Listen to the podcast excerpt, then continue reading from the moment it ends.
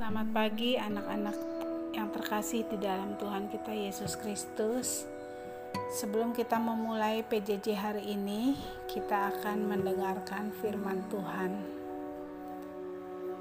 Judul firman Tuhan pada pagi hari ini adalah pemulihan dari Tuhan. Nats Alkitabnya dari Yeremia 33 ayat yang ketujuh. Aku akan memulihkan keadaan Yehuda dan Israel dan akan membangun mereka seperti dahulu. Tuhan mau mengampuni dan memulihkan kita serta memberikan yang terbaik bagi kita. Maka sudah sepatutnya kita juga memberikan yang terbaik bagi Tuhan. Di, kamu tahu Kenapa Edo segan minta bantuan kepadamu? Tanya Kiki kepada Didi. Entah laki, aku heran. Padahal aku juga berulang kali menemani dia bertemu Pak Guru untuk bertanya pelajaran yang belum dia mengerti. Jawab Didi sedih kepada Kiki.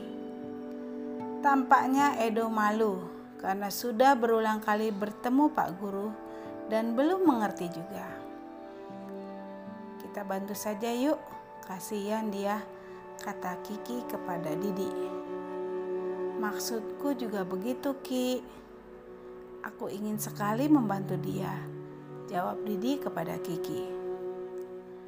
Anak-anak, meskipun bangsa Israel terus-menerus melakukan hal yang tidak berkenan bagi Tuhan, tapi Tuhan tetap menjanjikan pemulihan bagi mereka.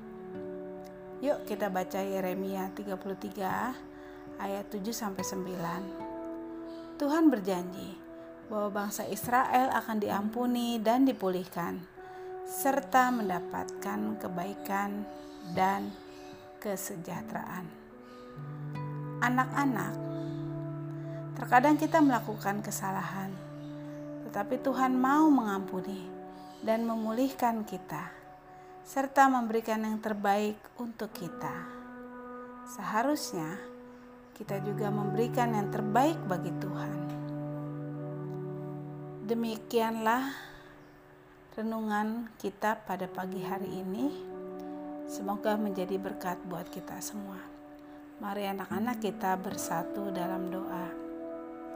Bapa di surga, aku mau memberikan yang terbaik bagimu mampukanlah aku. Dalam nama Tuhan Yesus, aku berdoa. Amin.